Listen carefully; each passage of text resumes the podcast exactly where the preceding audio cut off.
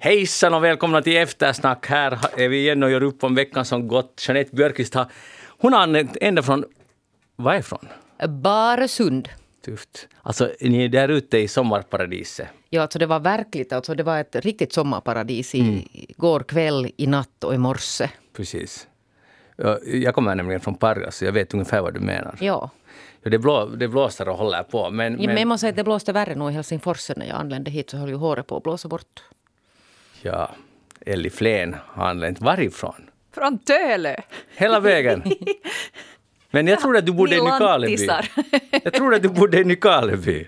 Jag bor nog i Nykarleby, men jag är på en arbetsresa så jag har varit här några, några Det är dagar. lite omvända roller. Nu vi är Ja. helt landsjon och nu har vi stadsbon här. Ändå från Tölö dessutom. Hej, har vi potential med Jeanette att bli sådana trovärdiga, eh, vad ska man säga, landsbygdsbor?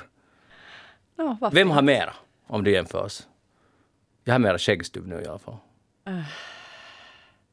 No, alltså sådana där semilantisar så, så duger ni väl till båda två. Ja. Alltså märkte du nu, hon, blev, alltså, det blev, hon, hon, form, hon kan det här med att formulera sig så att det inte uppstår några sådana här konflikter. Men du är ju kommunikationskonsult. Och det är just där, där märkte man det. Ja, där märkte man det. Det gick snabbt där i tanken. Ni ska Jag veta, reagerar inte lyssnare. alls på det här semilantisar. Det var Nej, inte men alls det något var- laddat. Men vi är vana att bli förnedrade, det Det, ja, nej, men alltså, det var dessutom sådär, alltså, sådär att du gav lite med dig men sen ändå inte helt. Det var ganska skickligt. Eller var det inte? Ja, så det, bra vi Elli. hörde att det blev en kort tystnad när det lite snurrade där i flenska skallen och så kom det så här. Och jag är alltså lantisen Magnus Lundén och eh, tekniker idag är Jonny Aspelin. Så nu ska vi köra veckan som gått. Hej, eh, det där... Ja, alltså det är ju, jag ville bara kort diskutera just det här när man bor på landet. Och jag har varit hela veckan på höstlov. Alltså Jag for dit igår. fysiskt sett på höstlov. Jag har nog kanske inte varit helt befriad från jobb, men i alla fall så det där... Alltså det är ju ganska uh, rojsigt höstväder nu. Ja. Och, och det var det, och, ja, för mig har det påverkat inte på något annat sätt än att när man är beroende av solenergi så blir det ju lite knapert de här dagarna. Men sen hörde jag i radion om diverse elavbrott runt om i riket, så då tänkte jag att det är ändå bättre att ha det lite knapert än att ha, ha ingenting alls, Elli. Vad säger du om det? Ja, alltså då när jag befinner mig där jag ska befinna mig, alltså i Nykarleby i Månes, för att vara riktigt exakt, så där har vi nog ganska ofta elavbrott när det, det blåser så här. Men eh, jag är ju då lite, eh, kan komma som en överraskning, hehe, att jag är lite av en sån här prepper.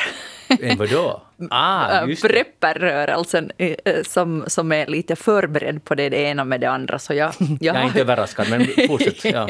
jo, det var ett skämt. Ja, så jag har ju en egen Högfors vedspis förstås. Mm. Så det är faktiskt inte mer än kanske två veckor sedan jag senast kokade morriskaffe på, på Högforsen. Bra.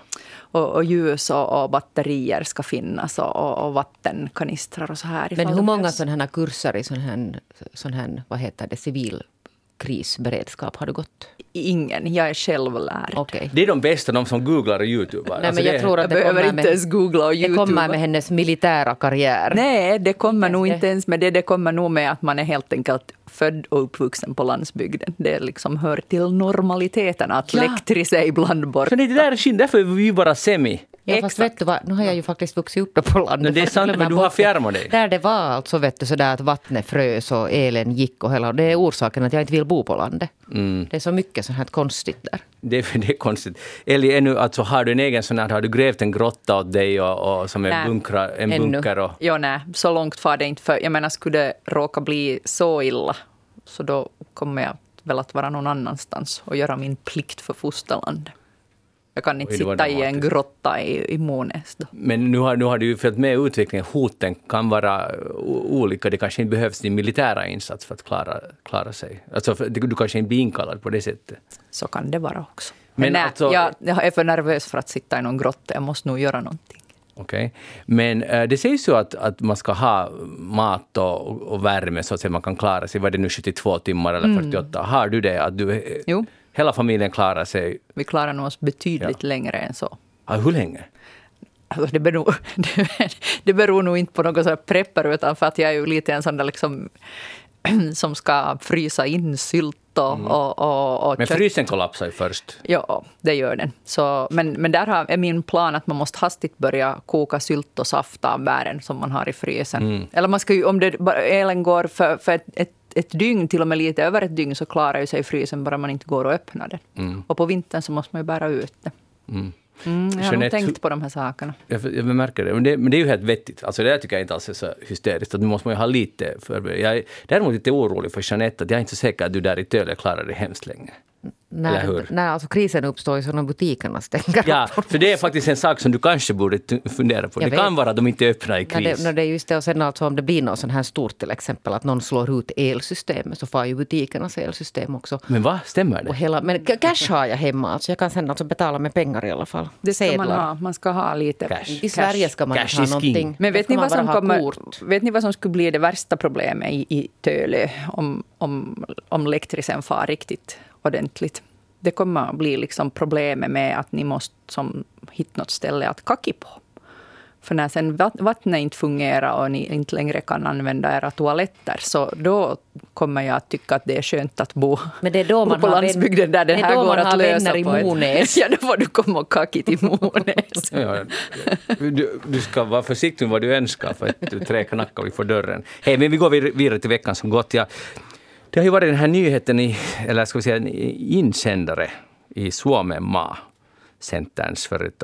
Det är väl egentligen inte officiella språkrör längre, men, men i deras tidning, eller i tidningen Suomenmaa var det en, en insändare av Seppo Mäkinen som är psykoterapeut och, och, och specialläkare och så vidare.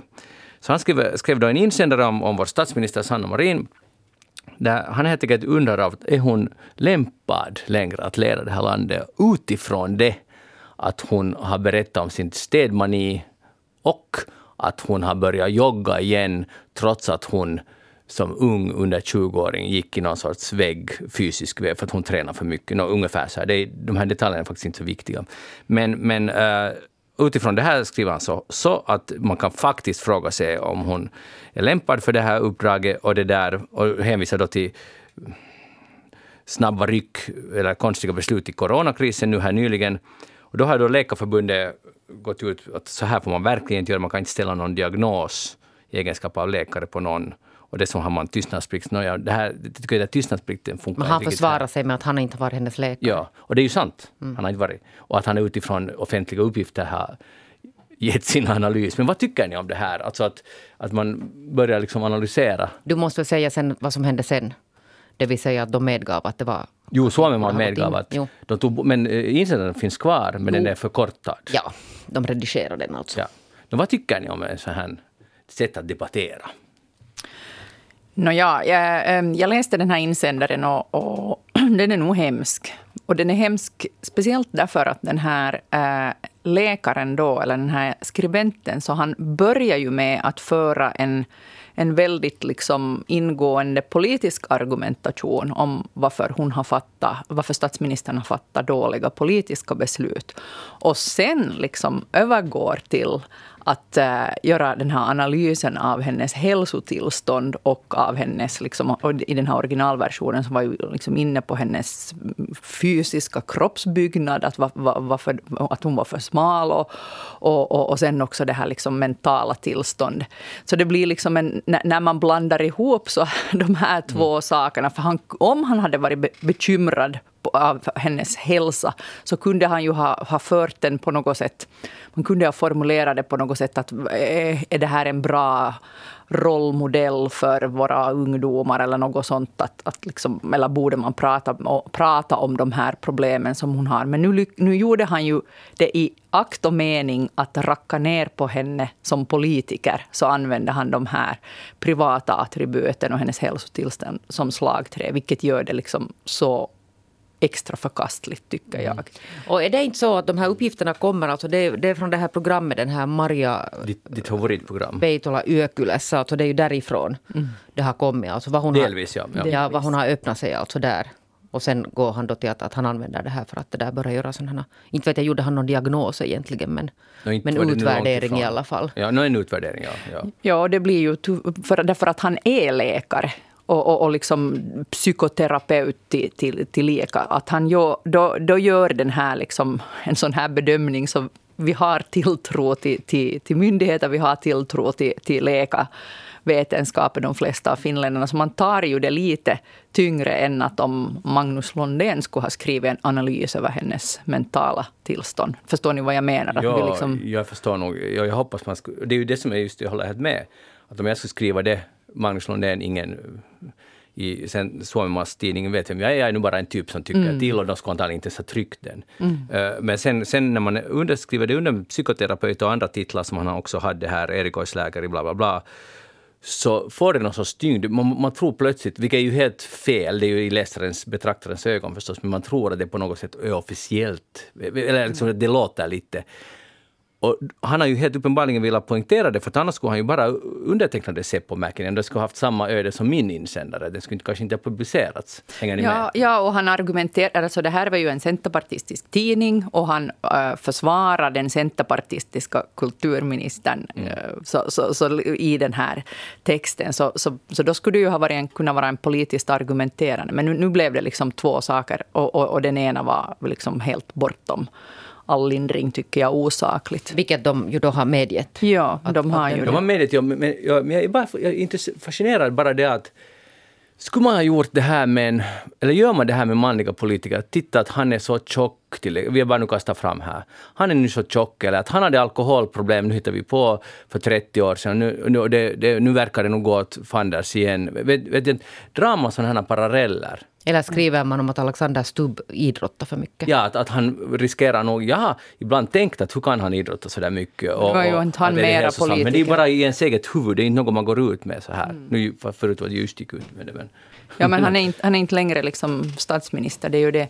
Men inte, inte vet jag nu om det gjordes då när han var heller. Nej, och varför men, skulle man? Men sen är det en sak här, och det, det, det här försvarar inte nu på något sätt den här insändarskribenten, men ett faktum är att om du som politiker i en sån här framträdande roll väljer att gå med i såna här program, såna här Veitolas program, mm. där du liksom visar upp ditt privata jag, då har du samtidigt öppnat också porten för att ditt privatliv analyseras och, och, och liksom pratas om av andra.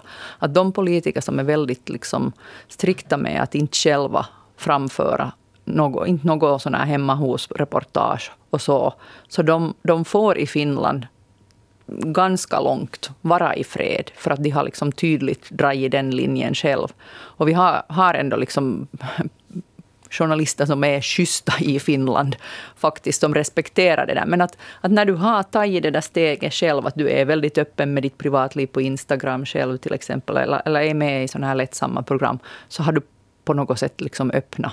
Eller E och E, för att nu var det ju så att hon har ju fått massa kritik för att hon är på något sätt så så kylig och så frånvarande. Mm. Och sen har det hänt, och nu håller man ju på att analysera vad det som har hänt att från, från den här alltså på något sätt offentlighetsbilden till det här att hon då försöker mm. lite alltså öppna upp personligheten. Att, att aktivera sig på Instagram och, och lite mm. öppnar upp alltså från sin vardag och är med i ett sånt här program. Så nu är det också fel. Att det är lite så där som man säger i Borgo, att hur man än vänder sig så har man reven bak. Ja, och, och det, det, du just säger nu Nette, det är sen liksom könsbetingat. Och det finns det forskning på som visar att kvinnliga politiker har mycket svårare med det här. Alltså de uppfattas som, som hårda, kalla, bitch helt enkelt.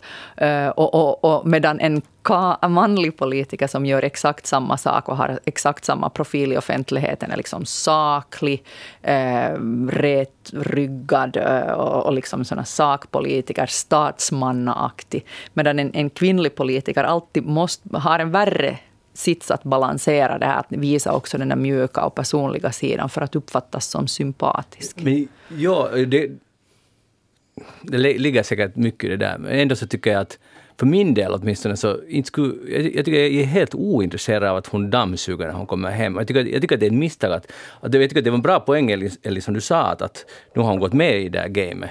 Mm. Och på det sättet är det sant att då måste hon också räkna med den här kritiken och, det kan, och som det nu blir osaklig. Men jag tycker för min del skulle hon inte alls måste göra det. Det är nu en statsminister, det räcker med det att fatta beslut. Och de här åren har ju varit extremt för henne också, liksom för många andra. Att, eh, när du talar om Jeanette, att någonting har hänt. Jag tror också det är en taktisk manöver, att nu måste vi göra henne mänskligare. Någon, någon konsult eh, Elli har, har sagt åt henne att kommunikationskonsulten sa att nu måste vi lite byta din profil, att du måste göra någonting. Och jag tror att det här är ett led i det. Men då kommer de här reaktionerna också. Men, mm. men det är ju en intressant... Vilket, jag måste bara säga att inte försvara den här nej, nej, hemska insändaren ändå. Men det är intressant att att man måste tänka på sin profil, att man mm. måste göra sig mer mänsklig. Jag, jag, jag, jag, förstår nog det, men det är ganska spännande att det funkar på det sättet. Och säkert är det sant att mm, det gäller oftare kvinnor, att de kan inte vara så där bara hårda och sakliga, utan de måste hitta på en ytterligare dimension till sig. Men ska vi inte hänga alltså fast i den här också, det här som nu hände idag, eller vad det nu månne igår. Det här kom ju nu alltså på varandra de här, att, att först kom den här den här insändaren och sen kom den här, de här avslöjandena i Seiska Päivää-tidningen, som alltså är känd för skvaller om att hon har ordnat sådana fester där på sin statsministerbostad där i Ända sen midsommar Ända sen midsommar, stora. Och, och sen hade nu, jag har försökt läsa idag rapporteringen kring särskilt då en fest som hade ordnats var det i september. Dit det hade kommit 20 till 30 människor där säkerhetspersonalen inte var riktigt säker på att vem de alla var. Och sen har det flödat. Det har inte alltså knusslats med, med serveringen, stod det på något sätt. Och det här har vevats nu. Alltså det har varit toppnyhet mm. på de här finska medierna hela dagen, inklusive alltså YLE. Så där som, och då är det oklart för mig att vad är egentligen nu den här, att det är det där att, att plötsligt är hela riket så oroade över statsministerns säkerhet. Och att det har kommit in då 20 till 30 människor som hon har bjudit på så att säga jatkon där på sin bostad. Eller vad är alltså den här grejen här nu? Får är, hon inte ordna? Nej, hon får, jag tror att vi är jätteoroade för att en så här ung kvinna ordnar party i politiken. Alltså det, det är något helt nytt fenomen. Jag tror det är det som att vi, vi, vi, vill inte, vi, vi vet inte hur vi ska tackla det här. Därför det har ju ingen manlig politiker nej, aldrig någonsin! Alltså, det var en kvinnlig som ja. gör det. På Villa Bjälbo hade aldrig förbadats bastu och druckits brännvin. Vi är på oprövad mark nu. Alltså hela den här bilden, vi får inte in i våra huvuden. Vad har hon för rättighet att ordna sånt här? Det är män som ska fixa bas, bastukvällar, det förstår vi oss på. Alltså jag tror att det på riktigt är så. Alltså varför tittar ni på mig samtidigt, och, samtidigt, och samtidigt som hon är på Instagram. Uh. Ja. Men alltså som jag, jag, jag, jag föreslår att kan hon inte bara vara statsminister? Och jag skulle också föreslå att någon man som skulle hålla på på samma sätt. Det skulle vara bättre så. Men hon får ju välja själv. Det är, det är ju det som är bra i Finland. Ja, sen var det någon som sa att det kan hända att här finns en sån här generationsklyfta nu. Att, att de här yngre människorna förstår sig på en sån här slags statsminister bättre än ja. Mm. äldre människor. Mm. Alltså jag menar, om man tänker helt mänskligt så jag, jag, jag är inte förvånad om man vill ordna lite fest som statsminister. Hon har, Efter ett och ett halvt år av corona. Av horror. Alltså, jag menar, det, hon måste, alltså, kan någon människa i alla fall med någon sorts politiskt ansvar, har varit så där stressad som hon har varit. Och när hela hennes profil var att hon håller sig lugn och lyssnar på alla och lyckas medla. Men det måste vara helt galet för henne och för hela regeringen, men speciellt för henne. Så Alltså personligen, ska, jag tycker att hon ska få baila mera också. Det är helt okej. Okay. Mm, jag tycker också. Och sen från säkerhetssynpunkt så ja, jag, jag har alltid en sån viss eh, förståelse och förkärlek för säkerhetsvakter och, och, och, säkerhetspersonal. Så det är klart att de, de skulle gärna veta precis vem, vem det är och så.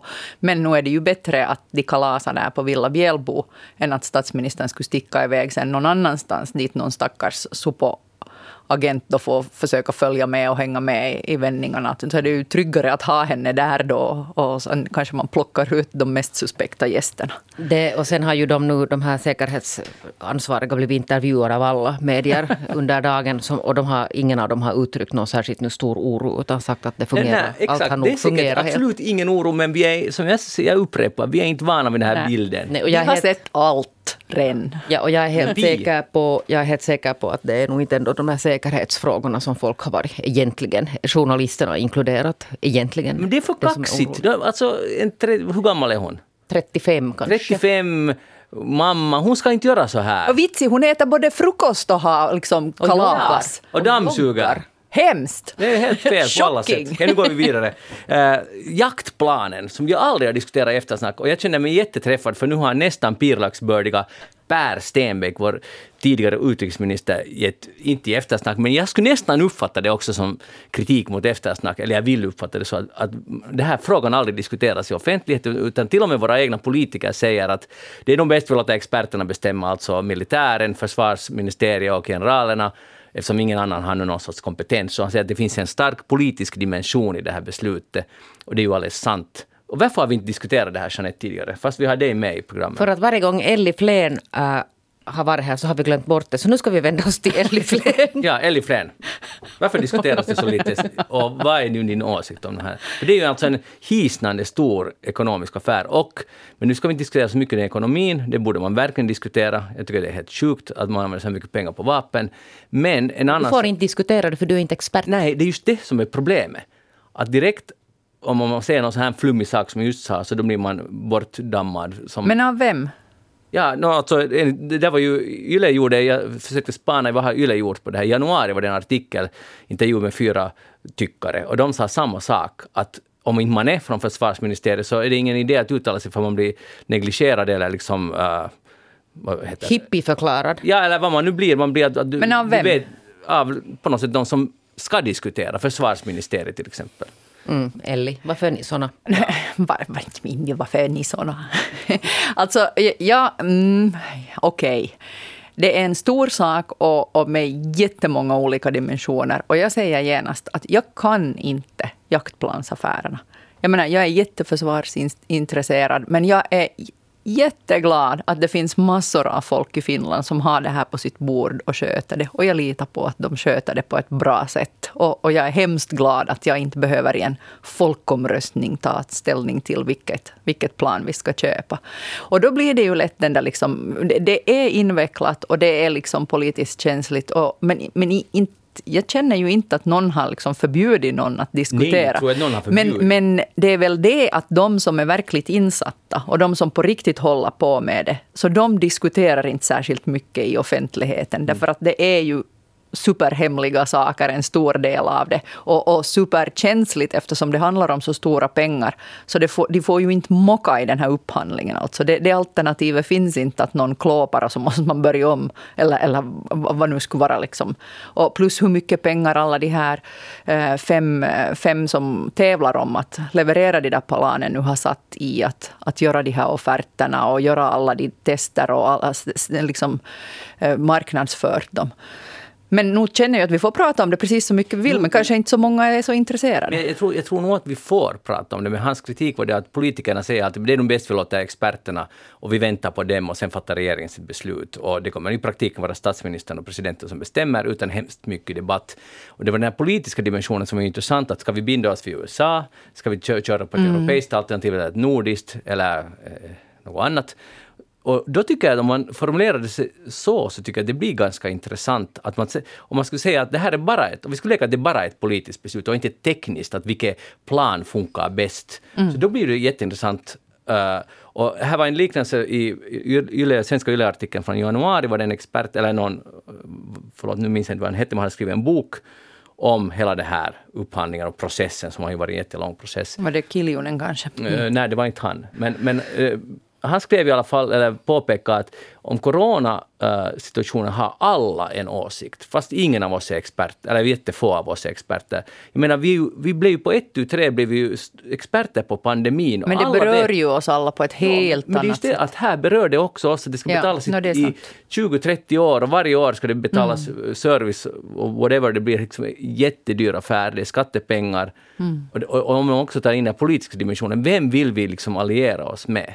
Att, att det här binder oss, det är liksom den här tanken, binder oss vid någon. Mm. Och, och jag har inte tänkt det på det sättet. Men plötsligt tycker jag om man säger sådär, så blir det en ganska intressant fråga. Så är det, och det, och det är ju verkligen stort. Jag menar, köper vi svenska plan så, så är vi ju knyter vi betydligt starkare band till Sverige på ett helt annat sätt än vad vi, vad vi har nu. Ehm, och, och, eller fortsätter vi med att ha amerikanska plan? Men, men det är ju att alla alternativen är ju liksom ganska okej. Okay. Skulle här finnas ett östriktat planalternativ. Så, men, men det finns ju en viss förklaring till varför det inte finns det. Att alla är väl såna som vi kan tänka oss att vara i samarbete med. Och nu räknas det ju in här. Nu är det ju ett av de kriterierna som, som finns på liksom helt offentligt sagt att den här politiska dimensionen är den första kriteriet och den viktigaste, jag hade ju sagt tydligt, är den här liksom eh, kapaciteten, alltså finska suorituskyky, alltså vad de doggar till de här planen. Men, men den här politiska dimensionen finns ju där. Och så finns en viktig aspekt är ju den här liksom eh, försörjningsberedskapen, att vi ska klara av att serva dem själva. Och, mm.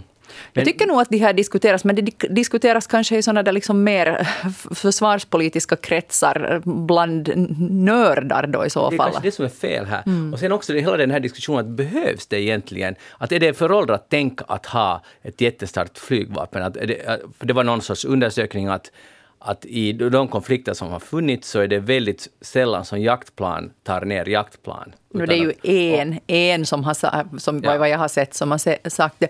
No, det är ju det också att det råder en så, så bred politisk samstämmighet kring att det här ska göras. Är det göras. föråldrat?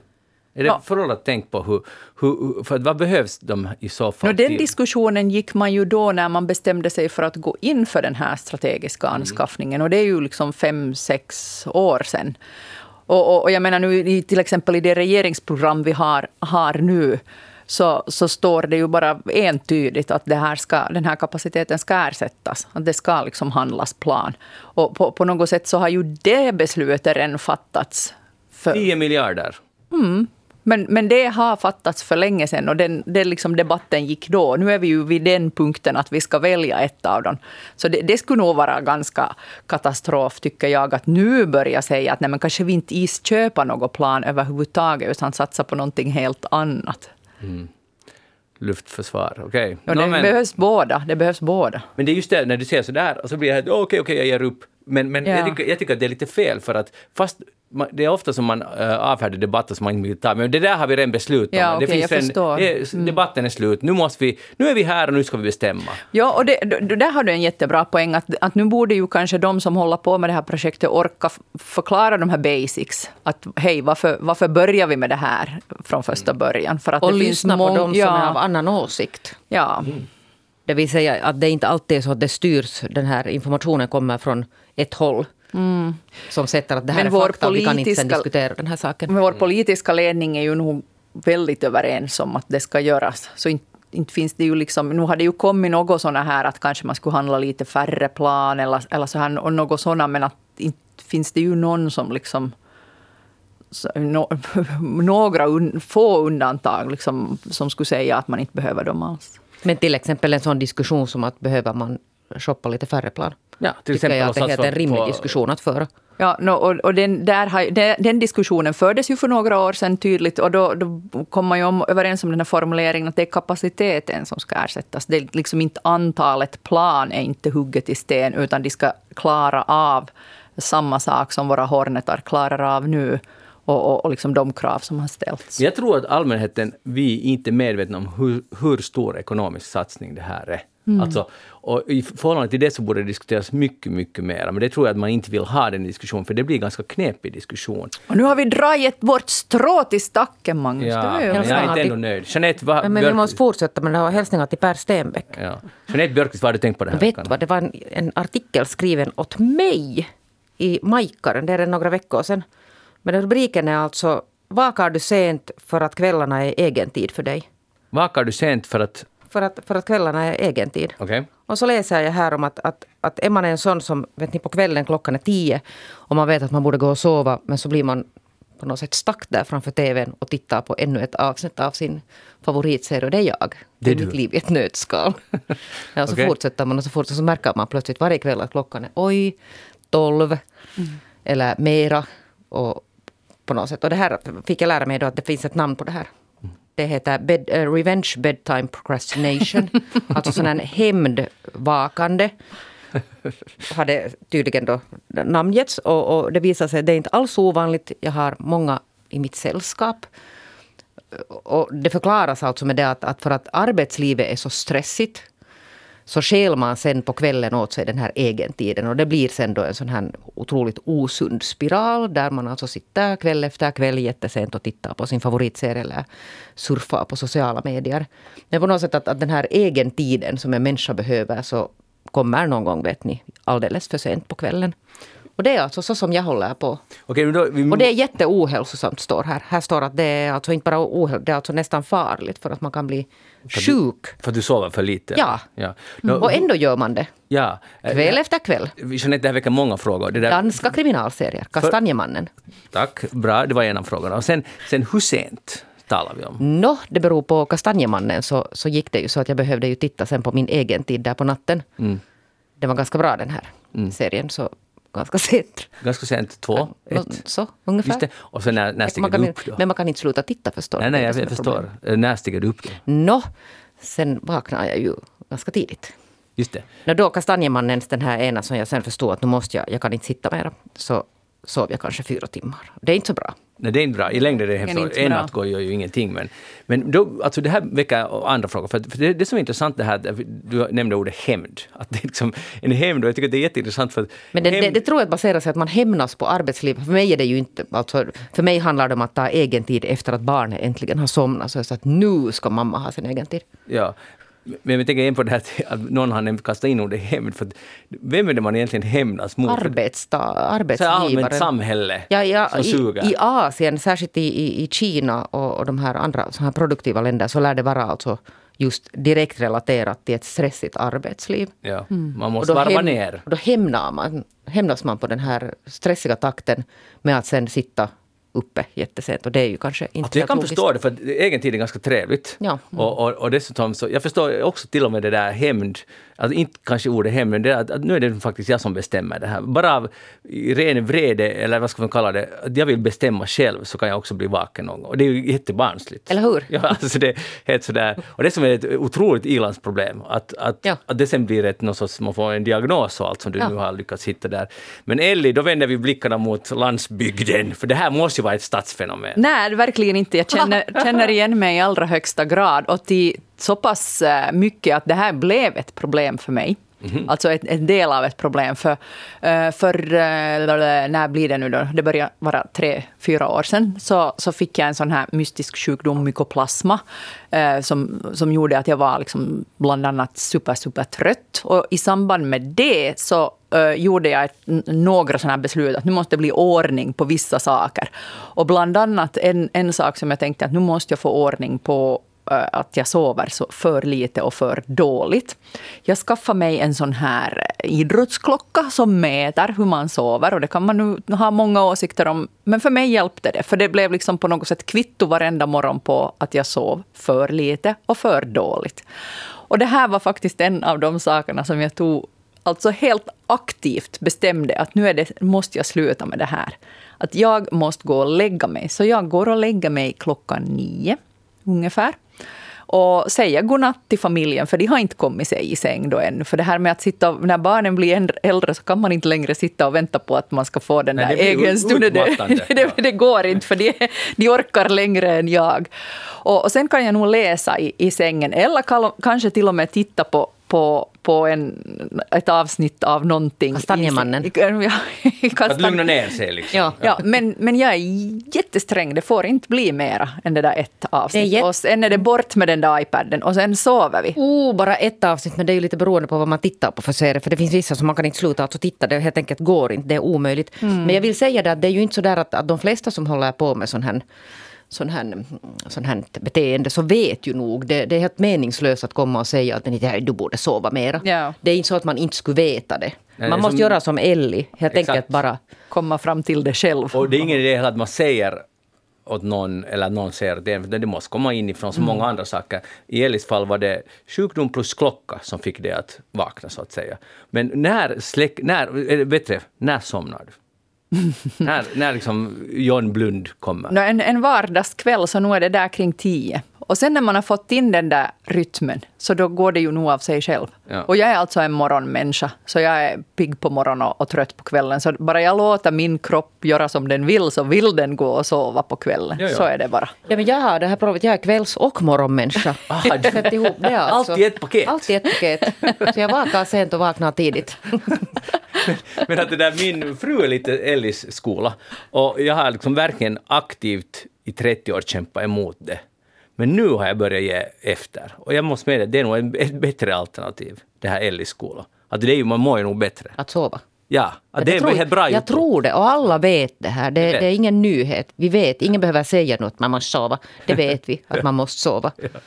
Men det är också ganska roligt att vaka. Alltså det finns ju nog en charm i det där att vara vaken när inte alla andra, är- när Ellie sover. Ja, och sen kan jag ju någon gång, nu händer det inte ofta för det är, det, det är liksom inte roligt mera, men någon gång så kan jag som aktivt ge mig själv tillstånd, att, till exempel på en helg, att nu kan jag vaka så länge jag vill och titta så många avsnitt av det här som jag vill. Och så kan jag ha då liksom mammas seriekväll. Men det händer alltså inte särskilt ofta, därför att jag tycker att det är så gosigt att sova. Men Jag vänta, sover dig gärna. här tips på såna här bra serier som man alltså kan... Ja, du, må, du måste nog sabba Ellies liv. Det, det Ja. låter sunt det där. Sprida det här onda.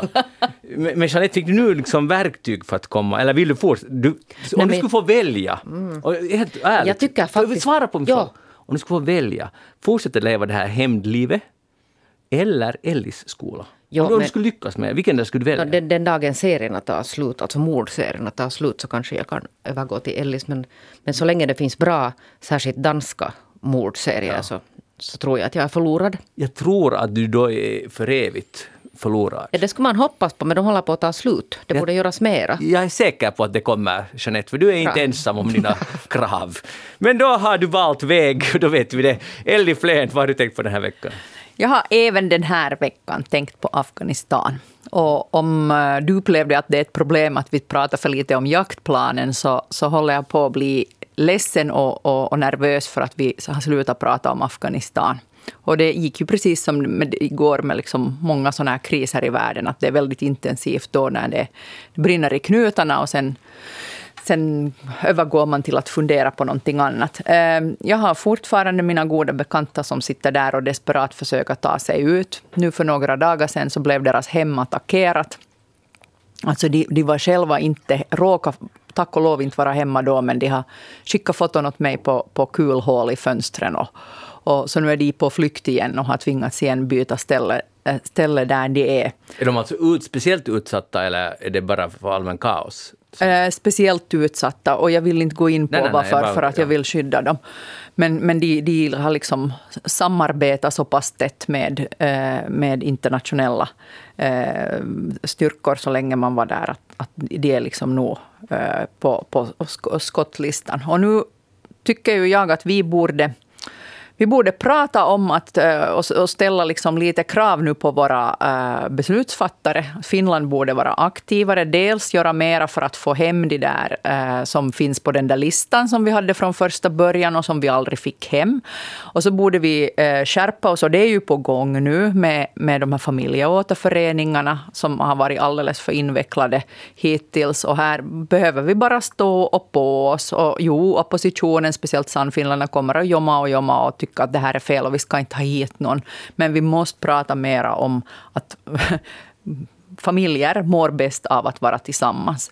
Och, och det är inte särskilt invecklade saker som skulle krävas. Det skulle krävas att vi skulle ha liksom mobila eh, diplomater i Pakistan som skulle vara beredda där att eh, ge eh, sköta de här ärendena, Eh, hjälpa de människor som kommer sig dit, för det är dit de flesta nu försöker ta sig. Det, det har blivit supersvårt att ta sig, och dyrt att ta sig ut ur Afghanistan, så det är inte på något sätt liksom bara med att knalla iväg dit, men det är i alla fall där vi kan, det är liksom första stället där vi sen kan börja göra någonting som, som för, eh, för Finlands del. Och sen borde vi ha en beredskap att, att bevilja sådana här liksom humanitära visum, för som det är nu så kan du ju få, få, för att få komma dig till Finland eller till många andra länder också, så måste du ha giltiga inresepapper till Pakistan.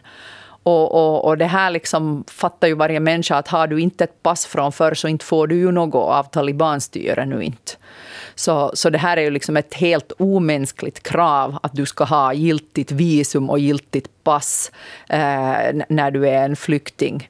Och det går. Det går hur lätt som helst, inom, eller inte hur lätt som helst, men det går alldeles utmärkt inom existerande lagstiftning att bevilja de här humanitära visumen om man bara vill göra det.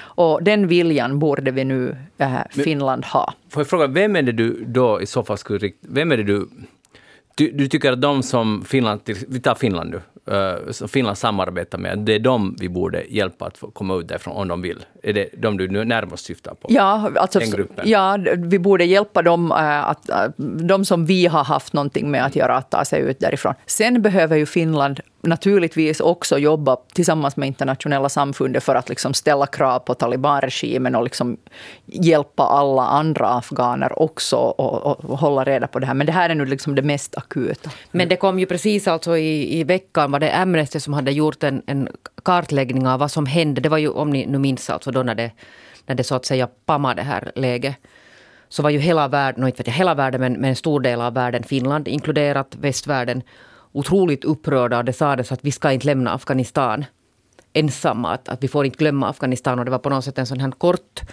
sån här uppgång i humanitärt engagemang i Afghanistan. Och så visar Amnestys äh, den här kartläggningen att, att vad som egentligen sen hände var att alla grannländer stängde gränserna. Mm. Alltså alla grannländer runt Afghanistan stängde gränserna. Och de här västerländska regeringarna har nog inte gjort någonting hemskt mycket för att överhuvudtaget underlätta. Till exempel bara sådana saker som att det finns många, många, många afghaner i Europa, i europeiska länder som sitter med så här underliga uppehållstillstånd eller negativa alltså av, avvisningsbeslut. Mm. Som man skulle kunna nu till exempel börja med att, att titta på dem. Att, att borde de få, men man kan ju inte skicka någon tillbaka till, till Afghanistan. Och, och så här har det alltså inte gått. Ja. Så, så det är ju nog alltså en, en sån här som också Finland, alla får titta sig i spegeln. Att var, det, var det så här vi gjorde? Mm. Men det vi har gjort, alltså jag, tycker, jag tycker det är helt klart. Alltså vi, har, vi, alltså liksom alla andra, USA och EU har stuckit. Och nu är det Ryssland och Kina som kommer in och sitter och börjar förhandla med talibanerna. Det är ju det som nu sker. Och det som USA signalerar nu att nu börjar de snacka med talibanerna. För de pengarna är ännu frusna där i USA, men USA kan ju kanske ställa några villkor på, på dem. Men att, att vem ska man samarbeta med om man vill stödja Afghanistan? Uh, befolkningen, vanliga människor. Så då måste man ju snacka med talibanerna. Mm. Om man inte snackar med dem, så de som lider är... Alltså jag, jag tycker bara det är en ohållbar situation. Alltså jag, tycker den är hopplös. Jo, och det är hopplöst för att där är, som vi nu har tagit, tycker det har gjorts ganska lite, något enskilda grejer från Afghanistan om den här svältkatastrofen. Ja. Alltså där är en helt fruktansvärd mm. svältkatastrof på gång. Och det är alltså inte bara uh, de allra fattigaste, som, för de har svultit ren, liksom, ren. Det, det är som inte något nytt. Det finns hur mycket människor som helst som har levt på den här uh, uh, humanitära eh, hjälp hittills också. Men nu svälter också liksom helt medelklassen och helt vanliga afghaner. För alla de här, till exempel den här familjen som jag har kontakt med, så de, de har ju inte fått lön nu sen juli. Och, och, och, liksom, och, och bankerna fungerar inte och, och liksom alla såna här Western Union och system fungerar inte så det går inte att liksom skicka dit pengar åt dem. Så de, deras, liksom, om vi nu tycker att vi, när vi pratar om krisberedskap här, så deras krisberedskap börjar liksom vara förbrukad. Deras matreserver, deras, eh, deras liksom cashreserver är, är förbrukade och nu priserna har ju gått upp någonting alldeles hejdlöst och, och nu står vintern inför dörren. Ja. Men Eli, eh, finns det inte något positivt i att det är ju ändå inte just nu krig där. Utan det, det, är, det är inte krig. Så som. Men det, se, nej, nej, det, behöver inte sucka, säg bara så. För det här argumentet framförs ju. Ja, att ja, nu är det inte krig där. Att ja, det är egentligen kanske bättre än vad vi uppfattar det. Ja, förlåt, det var inte min mening att sucka till din fråga, utan sucka till just det liksom eh, paradoxala i, i situationen. Att så är det. Att för en del afghaner så är det lugnare nu och de är inte liksom rädda. Men, men för de afghaner som eh, äh, jobbade inom polisen, var domare och dömde talibaner och, och, och, eller liksom kvinnliga lärare. En så stor grupp afghaner så, så liksom är ändå mera i pissen nu. För nu, nu får de frukta för, för sitt liv, för, för sitt yrkes skull eller, eller för vad de har jobbat med hittills. Jag tycker att vi ska tala med talibaner nu. Till exempel nu när deras liksom, uh, statskassa är så att säga mer eller mindre frusen och pengarna finns i USA och man skulle kunna ställa krav. Ska vi tala med dem och, och funkar det?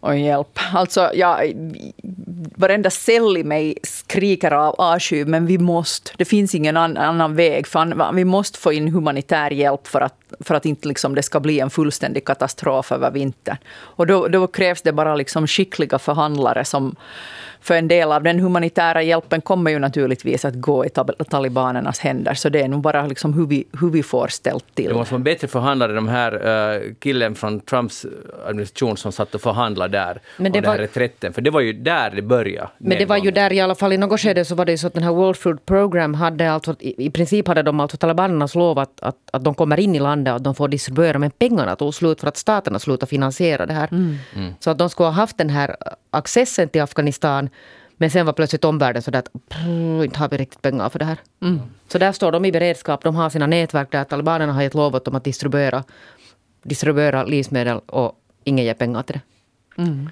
Mm. Och nu, alltså, och sen Kinas intresse, det handlar ju, alltså, det som är otroligt med Afghanistan är att där finns en massa, för det första floder som inte alls är reglerade, alltså det finns massa energi att utvinna om man lite fixar till det, kraftverk att bygga, uh, om det skulle finnas pengar.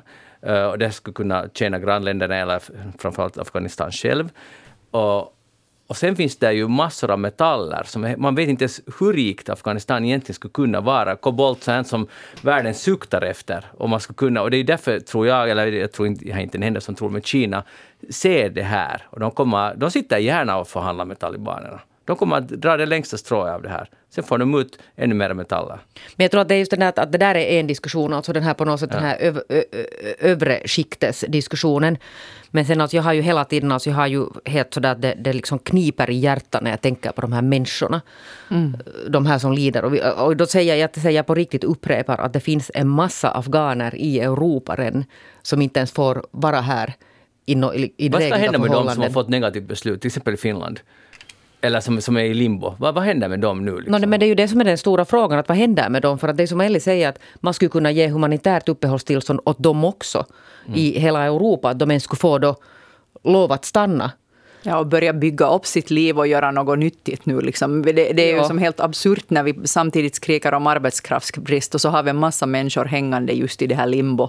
Ja, och då, då blir jag, jag blir alltså sådär på något sätt, jag måste försöka nu hålla mig så att jag inte blir alltför arg. Ta hit handen, håll mig i hand. Nej men förstår ni det här att, att sen i en sån här situation ha ett parti i riksdagen och, och påhejare vid sidan av som härjar och skriker någonting om sån här att vi ska inte vara hela världens socialbyrå och sen otroliga svåra problem med det här med, med familjeåterförening. Så de har ingen aning alltså om vad de talar om. Nej. Alltså de, de vet ingenting vad de talar om. Och att, att man gör sig så abstrakt i förhållande till andra medmänniskor. Mm. Så det får mig att må illa. Mm. Men de, de, de, jag tror att i den där uh, polemiken är att det här handlar inte om människor, utan det handlar om en grupp som kommer hit och stjäl allt vad vi har. Alltså ja. vårt sociala, lever snylta på vårt system. Det, det, de ses inte som en individer. Men det gör de ju inte. Men på något sätt liksom att i alla fall var och en ens ägnar en sekund att tänka på det här, att det är faktiskt människor vi talar om. Mm. Men det är just det som... Det Och det gäller andra flyktingar också förstås. Mm. Mm. Ja, man ska börja, alltså, jag tycker att den, eh, alltså, det första steget, håller, kloka ord. Alltså, att, som Jeanette sa, att man ska, de som är nu i limbo här, och de ska få bygga upp ett liv. Det ska vara en liten insats och sen få ut dem, hjälpa till. De som har faktiskt bistått Finland och vi var ju jätteengagerade där i 20 år, de måste vi ju hjälpa. Men det, och då behöver man inte vara, för att citera vad du sa, hela världens socialbyrå. Det här är helt realistiska och sakliga målsättningar. Jo, och sen när man har gjort det och ägnat den här alltså stunden åt att, att meditera en stund med sig själv, mm. så kan man gå och googla på det här när det alltid sägs men vi måste hjälpa dem där nära deras gränser. Då kan man googla på flyktingläger i Libyen till exempel och titta att hur ser det riktigt ut i de här. Och hurdana förhållanden lever till exempel Och mycket har vi nu liksom Eller hjälpt Grekland. där. Mm. Japp. Tack för det. Hej, det, där, det blir bokmässa i Helsingfors nästa vecka. Och där är vi! Och där är vi. Eftersnack kommer att vara där live. Det blir superroligt. Och vill du Jeanette presentera vem som är med? Eller ska jag presentera? Karin. Ja, Karin, du, du hade glömt det. Karin Erlandsson, Karin Erlandsson är med oss live på Bokmässan och det blir ett superbra uh, frispråkig författare. Ja, uh, från Nykabi. Ja, ja, men nu bor hon på Åland. Alltså vi, ja, men det, ja, men nu kan inte du komma så där för nu kommer Åland att skrika för att det är faktiskt ändå nästan så där. Hon är nästan ja, Jag sa hon är från Nykarleby. Ja, men nu är hon ålänning. Ja, men hon har skildrat nog det här livet också där uppe. Så no, det, jo, det, det, blir men det blir helt fantastiskt, alltså verkligen. Och då, då, 15.03. 15.03, det kommer förstås på väg och man kan också uh, komma dit i Helsingfors. Om man är i Helsingfors, kom till Bokmässan och, och följ med och tyck till. Det ska vara roligt att träffa. Det alltså, vi har ju inte haft en publik eftersnackstillställning. Det, det, ja, det är ju två år måste Ja. det vara.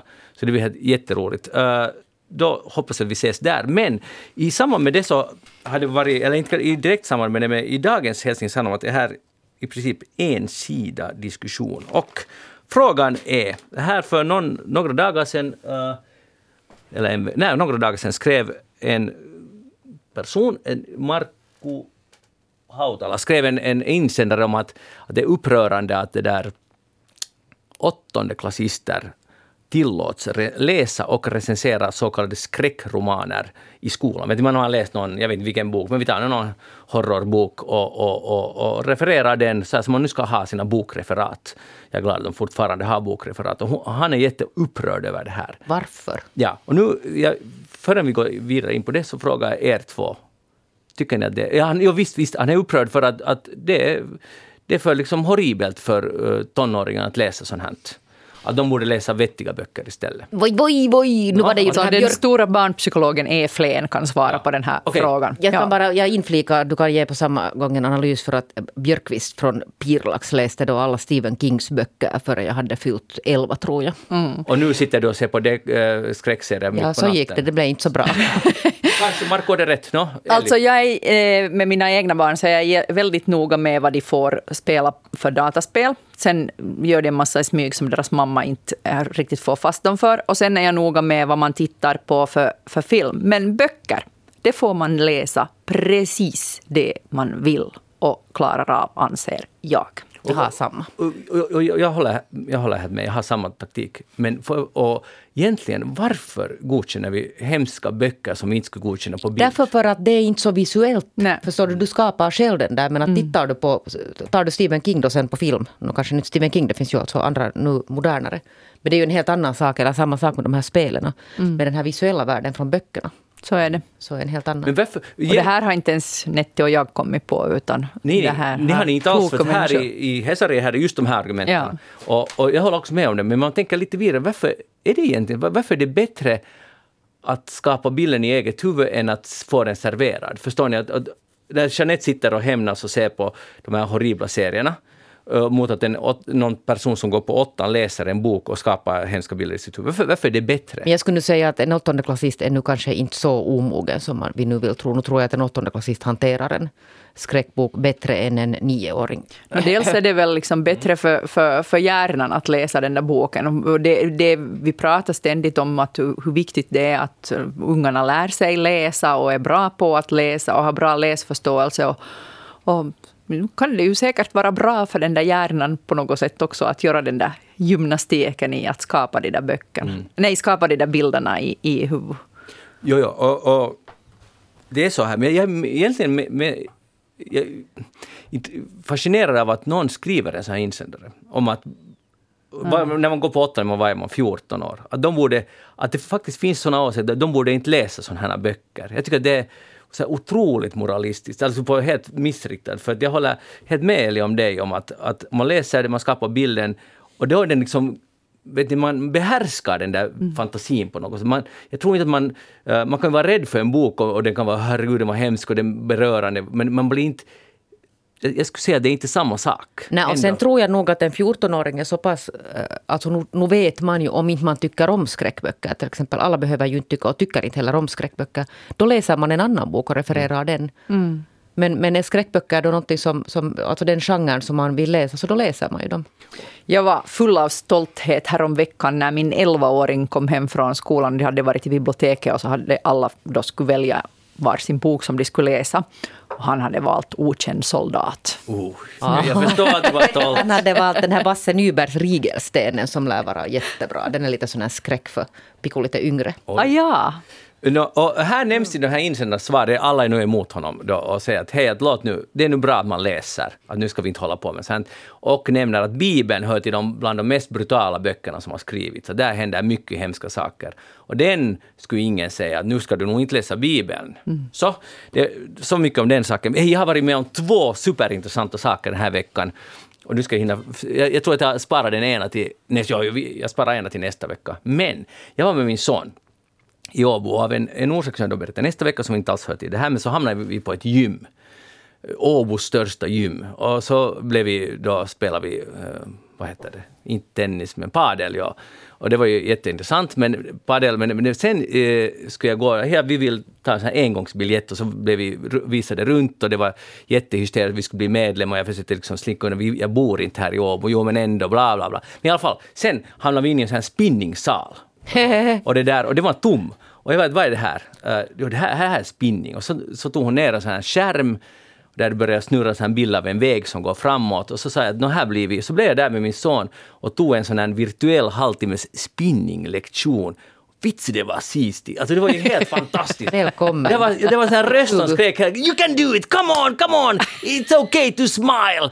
And now, stand up!” och så, alltså, Jag gick helt in i den här transen. Och, alltså det var som om... Jag, jag, jag vill börja spinna. Alltså, Och det ska du göra. Vad hindrar dig? ingenting. Go for it! Jag visste inte ens vad spinning Go for it, it's okay! You can still smile! Och, och sen så cyklar man igenom, det var någon sorts så här miljö, vet du. Och, och, alltså, hur lätt det är att hjärntvätta en människa. Alltså det tog en minut så var jag där inne i zonen. Har ni varit med om det här? När det gäller spinning, det där, jag tror att jag har, alltså första gångerna var 2000 någon gång i Malmö gick jag på spinning. Ja. Så det har ju funnits ett tag. Men alltså, det, är ju, sa- det, är ju, det, är ju, det är ju samma sak som att cykla, alltså menar inomhus. Nå, men det där är lite andra sådana man kan Men det är ju egentligen ett an- brand har jag läst på. Ja, men man kan alltså jobba med lite andra sådana det där. Så, men det, det, det är sant, det är klart det är som att jogga, det är bättre att jogga utomhus. Ja. Men ibland så vet du om det ösregnar så är det kanske Ja. trevligare att vara inne i en sal. Men har du varit på så här klass, att man är en hel klass? Det Jag har faktiskt aldrig varit, men på mitt gym så har de och det hörs. Så när jag håller på med mitt gymmande så lyssnar jag på det här kämp, kämp, men här på Nykabi-dialekt. Är det? Ja, nu ser vi glada ut och nu pedar vi, nu kör vi! Det är det man borde pröva på. Man fattar, nu vi på spinning.